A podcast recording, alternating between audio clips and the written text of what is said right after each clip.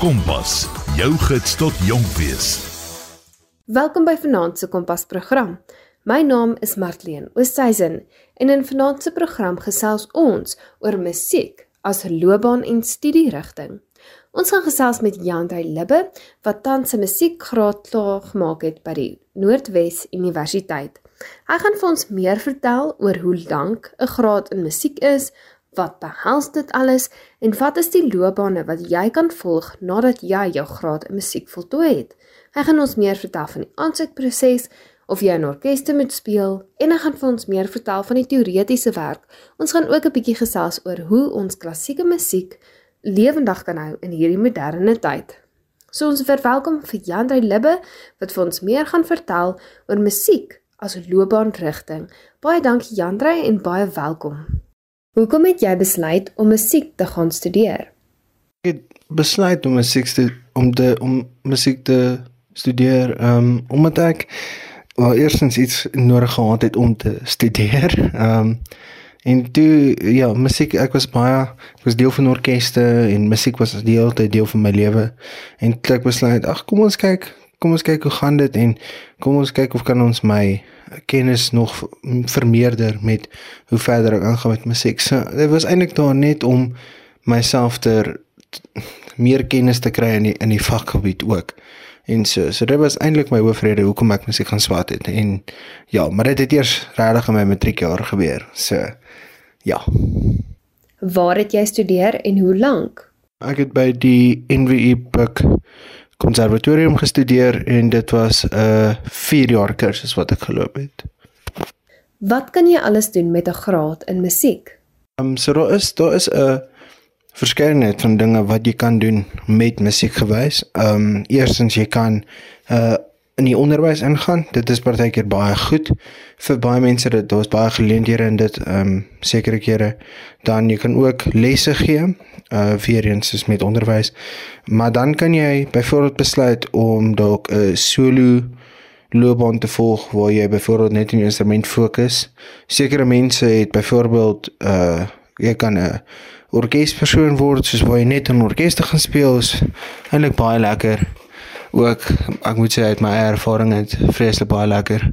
Ehm um, dan die ander ding wat jy kan doen is jy kan 'n uh, ak akademikus word waar jy byvoorbeeld skryf vir sekere goeders waarvan jy hou in die musiek. Byvoorbeeld op wat waarop ek gefokus het op 'n tydperk was uh, musiekopvoeding. So jy kan daar basies amper met dit ook gaan. Ehm um, so daar is baie geleenthede wat jy kan volg en met sekere plekke gee hulle vir jou daai geleenthede.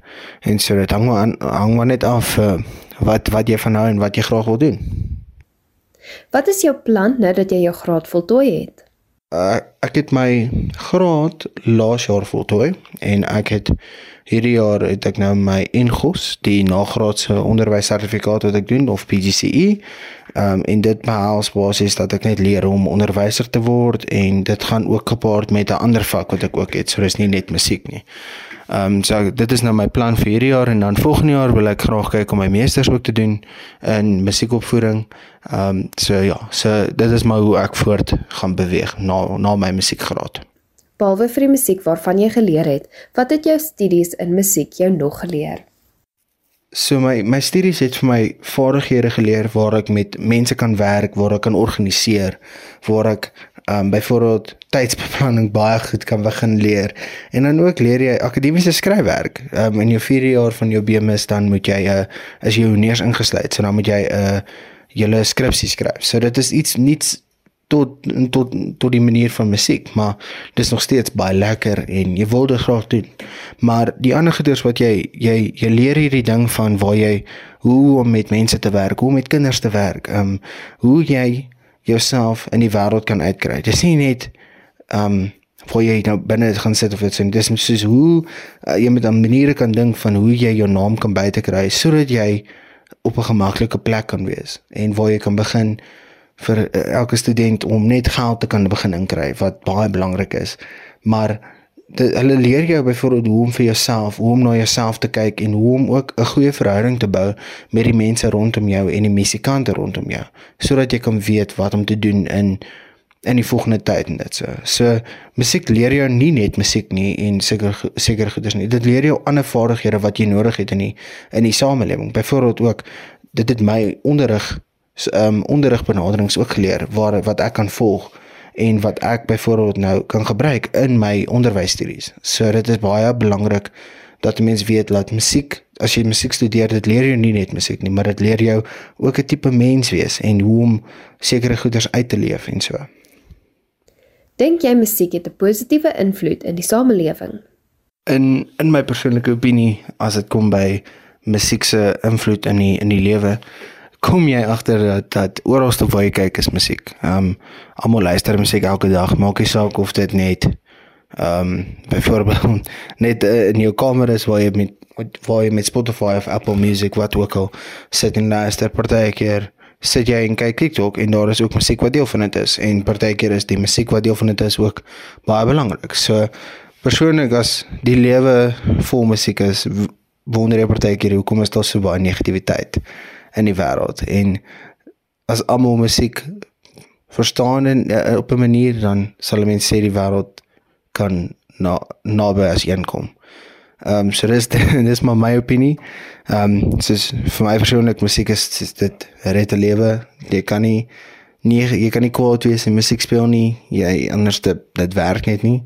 Jy moet altyd jy is meeste van die tyd sien net jy is positief en jy geniet wat jy doen en jy geniet musiek in jou ja. En maar dis dis vir my voel dit musiek is een van die mees positiefste goeters wat 'n mens kan doen want jy kan 'n punt verby kry met kommunikasie of ek kan met iemand praat oor hierdie musiek en hulle kan vir my sê hulle hou van die boodskap of die boodskap kan iets baie groters beteken soos ja so dis dis dis een ding wat ek baie van hou van musiek veral met die samelewing soos dit dit kan gebruik word om punte oor te wys en so is daar geleenthede veral in die klassieke musiekwêreld vir jong mense vir enigiemand wat jonk is, is daar altyd 'n geleentheid in iets.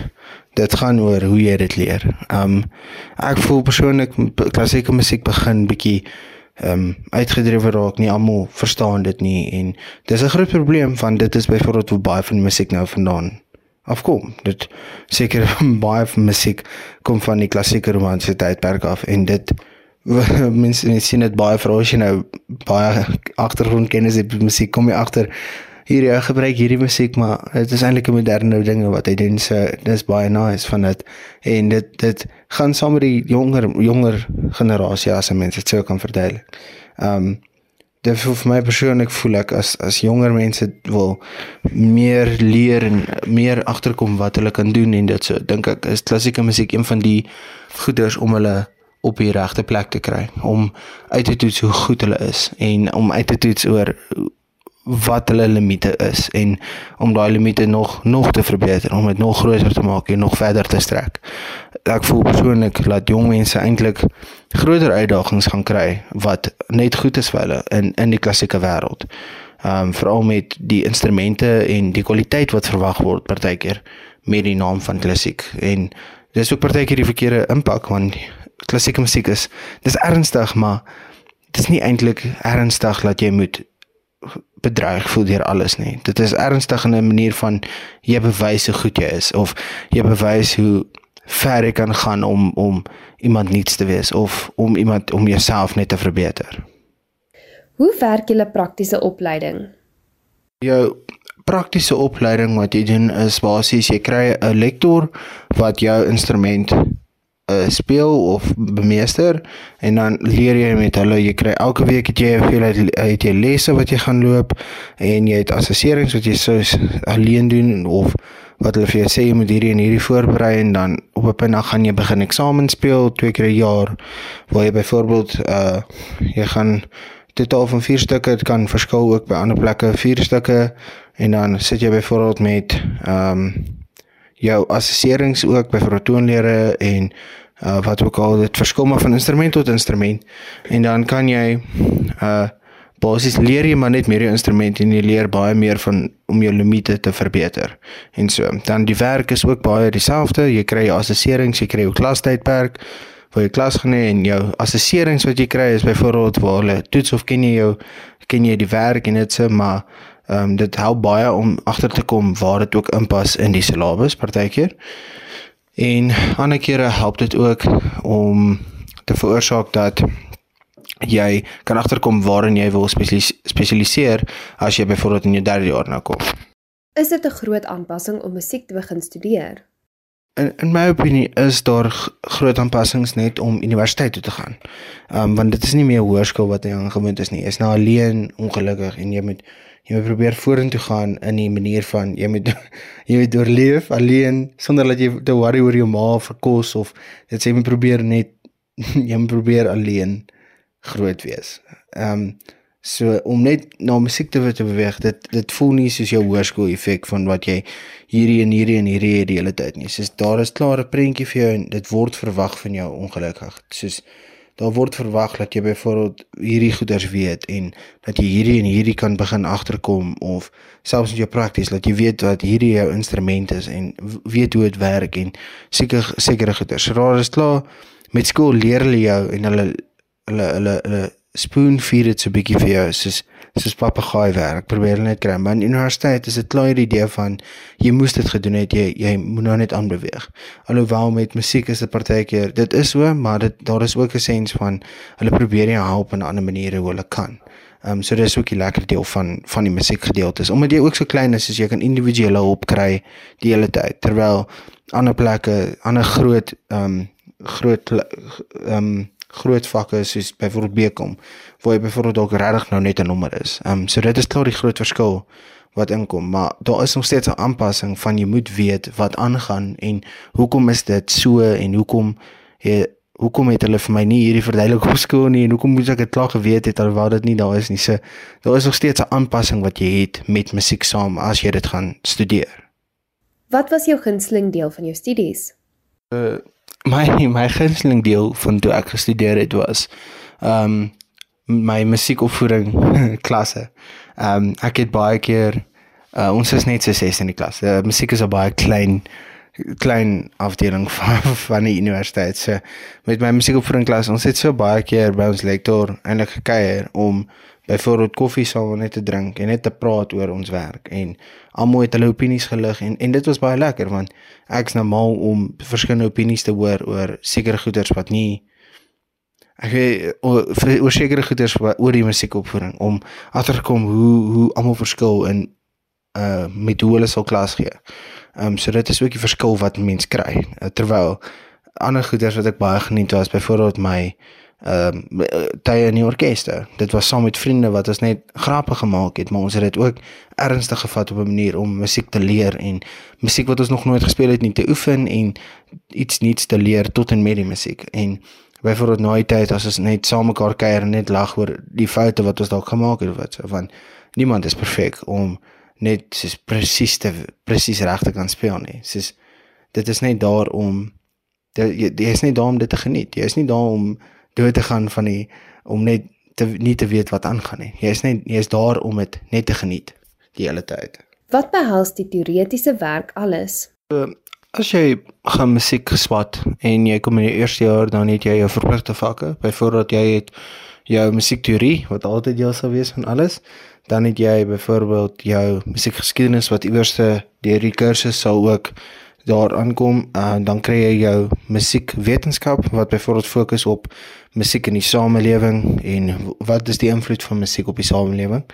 Dan is daar ook uh, musiek gehoor en dan musiekopvoeding. So die musiek gehoor is waar jy basies net leer um baie keer gaan dit saam met jou teoretiese werk waar jy byvoorbeeld net leer oor sekere goeders wat jy kan hoor en hoe om musiek partykeer um te noteer en so. En dan musiekopvoeding is baie keer gebaseer op as jy in die onderwysberoep wil gaan, dat jy byvoorbeeld weet hoe jy dalk musiek vir klein kindertjies kan gee of waar ook al jy jouself wil plaas. Uh, met die musiek teorie is dit basies jy leer hoe om die musiek te skryf, te analiseer, waar nodig jy musiekgeskiedenis soos altyd jy leer gewoonlik meer oor waar vandaan die musiek afgekom het en wat is ook die redes van dit. Hoe het die aansoekproses gewerk? Het jy nodig gehad om 'n audisie te doen en hoe het daardie audisie gewerk? Vir die ehm um, as jy gaan speel, as jy nou 'n aansoek doen en dit so, uh, jy gaan moet op die standaard wees wat die universiteit vir jou voorsien. Hulle sal vir jou verduidelik wat is hulle standaarde. en hulle voorvereistes en dan gaan jy met jou aansoek dan gee hulle vir jou 'n datum wanneer jy audisie moet kom speel. So hulle wil kyk wat uh hoe goed jy kan speel en wat jy kan alles doen en partykeer is daar toetse ook wat hulle doen asook gehoor toetse waar hulle seker maak uh wat jy uh soos wat wat is jou kennis in die veld dan ook toets hulle partykeer by um, party universiteite vra dat jy 'n bietjie oor jouself skryf so dan kyk hulle na jou skryfwerk ook om agter te kom of hoe ver is jou taal basies ook en of is dit op standaard van wat dit verwag word. Ehm um, so dit is baie belangrik met dit ook. Ehm um, so ja. Wat is jou raad vir jong mense wat graag 'n beroep wil volg in musiek?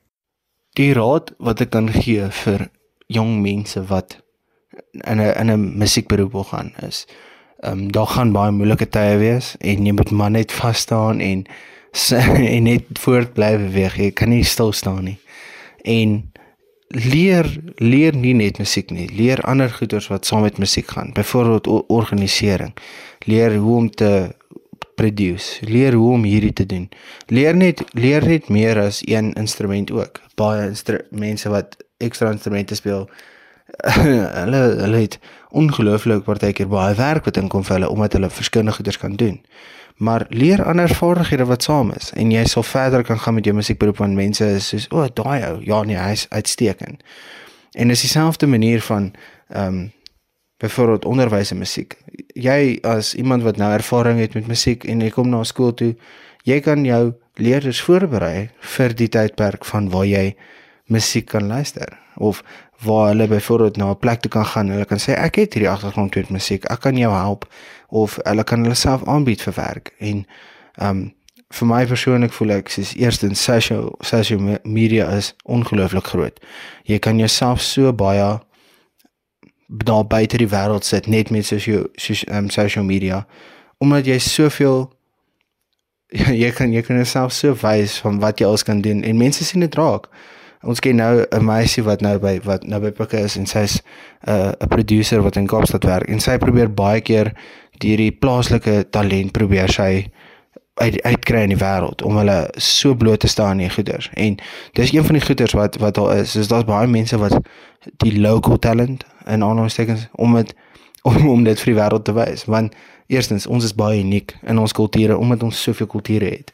So ek sal net sê jou vaardighede moet jy probeer so groot as moontlik maak. Soos leer soveel veel as moontlik goeders en berei jouself net voor vir harde tye ongelukkig. Soos nie enige werk is net maklik nie. Alles kom met sy uitdagings en musiek het sy uitdagings wat ook partykeer baie wild kan wees, maar as jy daardeur kom met jy brood en botter en dan sit dan sit lieflik. Word jy verplig om in orkeste te speel of om duette te doen? Jy jy word verplig om met 'n orkes te speel. Ehm um, jy kry hulle noem dit soos die ehm um, ensemble works. So jy jy moet byvoorbeeld in in 'n sekere orkes speel en dan by Pikke het ons byvoorbeeld die simfonieorkes ook. So baie keer die stryker speel daarso, dan kry jy die windband waar die byvoorbeeld al die blasers speel. En dan sekere blasers sal byvoorbeeld by die simfonieorkes en by die windband speel soos ek nou byvoorbeeld met Frans Horing en dan ander mense is byvoorbeeld net by een orkes maar aan die middel van die jaar vir die eksamens en die assesserings moet jy byvoorbeeld die musiek wat jy gekry het by die orkeste moet jy kan speel vir punte. Ehm um, so dit is basies hoe hulle jou ook assesseer. So dit jy moet daar wees en jy moet leer hoe om dit te doen. So ja, ehm um, ander goeders die duette is byvoorbeeld is jou verantwoordelikheid as jy wil enigiets soos dit doen om dit die musiek vir die mense te gee en laat hulle byvoorbeeld weet wat hulle speel en wat is hulle rol. Ehm um, so dit is die duette is baie keer eintlik enige werk waar jy met 3, 4 mense werk is jou verantwoordelikheid alleen. Jy kan dit doen vir jou eksamens en dit so, maar dit is jy as 'n uh, speler se verantwoordelikheid. Ehm um, die orkeste is dit byvoorbeeld jy die dirigent en dit se ehm um, die dirigent se verantwoordelikheid, maar jy moet net nog steeds daar wees waar dit jou verantwoordelikheid is sodat jy reg is vir as jy moet gaan speel. So yes. Hoe dink jy kan ons verseker dat klassieke musiek aan die lewe bly en jong mense opgewonde maak? Ehm um, ek het op baie met hierdie vraag gesit en met mense gepraat om om agter te kom wat 'n mens kan doen. Um, almal almal hierdie stereotypiese idee van as iemand van klassieke musiek is, is die ou um, met hierdie teruggegrieste hare en wat net sweet en super grys hare. Ooh, dis daai is tipiese stereotipe idee van klassieke musiek. Alhoewel as ek vandag kyk na baie plekke veral oor see, die hoeveelheid klassieke kunstenaars wat ons het is ongelooflik groot. Byvoorbeeld, um net deur op YouTube te gaan en jy soek musiek, kry jy byvoorbeeld hierdie nuwe idee van wie die nuwe generasie is. En vir my is dit net om om hulle bloot te staan aan dit, om sekere maniere sekere musiek te kies wat wat baie bekend is vir almal en hulle net begin meer en meer aan dit bloot te staan. En op 'n punt dan sal jy sommer begin beter van kan luister en dan sal jy nog meer geniet. Um dit gaan maar net om hulle dit gaan maar net om vir jong mense soveel as moontlik bloot te stel aan hoe klassieke musiek klink en hoe dit byvoorbeeld sou werk. Want die probleem is hulle weet nie altyd hoe dit sou lyk of hoe dit sou werk nie. Hulle weet byvoorbeeld ehm um, hierdie is dit maar dit is so donker. Dit is dit dit pas nie by my nie. Dis nie my vibe nie as ek dit so kan sê. Maar dit is baie gepas op van daar seker musiek wat regtig uitstekend is wat gepas is vir mense wat nie is tot die idee van klassieke musiek. Ehm um, so dit is vir my baie belangrik in my opinie. Dit was vanaand se Kompas program. Ek hoop jy het dit verskriklik baie geniet en dat jy ook baie geleer het oor musiek. En as jy dalk 'n musiekloopbaan wil volg, het jy meer inligting. Skakel asseblief volgende week in waar ons gaan gesels oor om restaurante te bestuur. Ons gaan gesels met Riet O'Grady wat in Dulstroom in Mpumalanga 'n restaurant besit het, 'n koffiewinkel eintlik besit het en sy gaan vir ons meer vertel van die bestuur daarvan en sy bestuur tans ook 'n klomp gastehuise. So sy gaan vir ons meer vertel daaroor en hoe kan jy 'n gastehuis of 'n koffiewinkel bestuur? So skakel volgende week in wanneer ons gesels daaroor. Baie dankie Jandre, baie dankie dat jy deelgeneem het aan vanaand se program en dat jy die moeite gedoen het om vir ons meer te vertel oor jou studierigting. My naam is Martleen Oosthuizen en dit was Kompas.